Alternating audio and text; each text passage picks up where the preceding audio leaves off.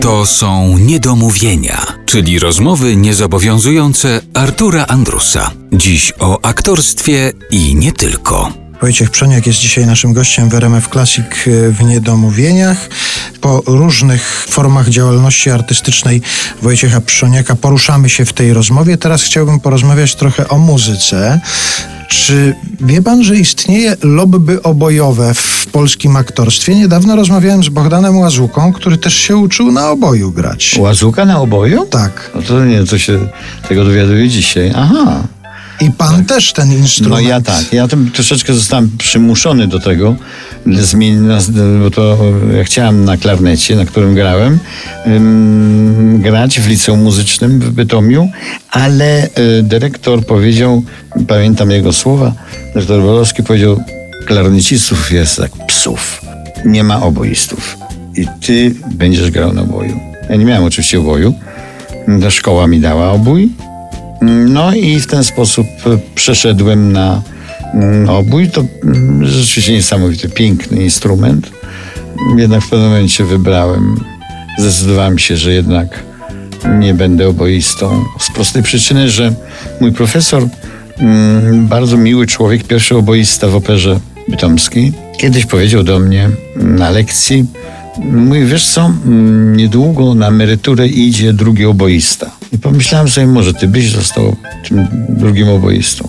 I ja myślę, że to, zdanie, to pytanie zadecydowało o tym, że dzisiaj jestem aktorem. Dlatego, że nagle zobaczyłem siebie w orkiestronie operowym, na, grającym na oboju całe życie.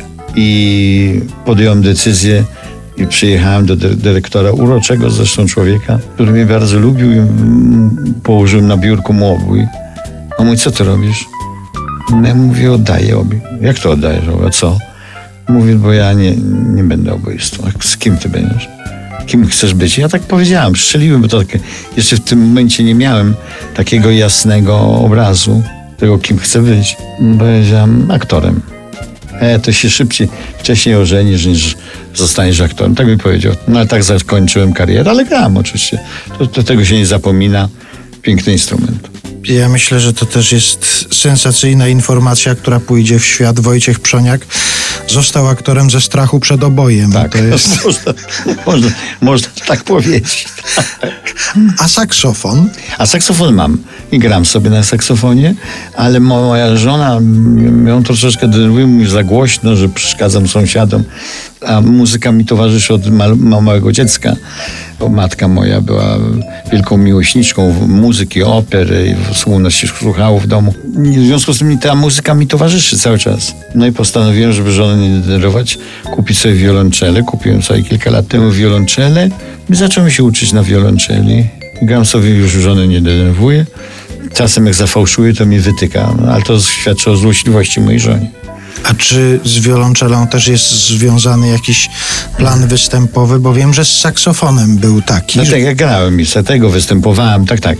Nie, tu nie, ja grałem taką sztukę, którą z Francji przywiozłem, e, skarpetki Opus 24 w Teatrze Współczesnym. Tam jest historia dwóch aktorów, którzy grają jeden gra na skrzypcach, drugi na wiolonczeli. Ja grałem na wiolonczeli. Ale ja też miałem na myśli, pytając o te plany, jeżeli chodzi o granie na wiolonczeli, mhm. plany nie, nie, do końca takie zawodowe, związane z występami, ale wiem, że z saksofonem byłem świadkiem tego nawet.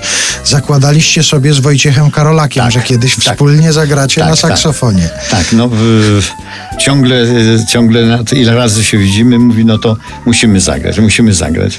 Dlatego się zastanawiałem, czy z wiolonczelą też jest jakiś plan na zagranie z kimś, z wiolonczelistą nie, albo Nie mam, ale obiecałem, nie wiem, czy dotrzymam słowa, że, że kiedyś, jak nauczę się jakiegoś takiego utworu, to za, zagram sobie.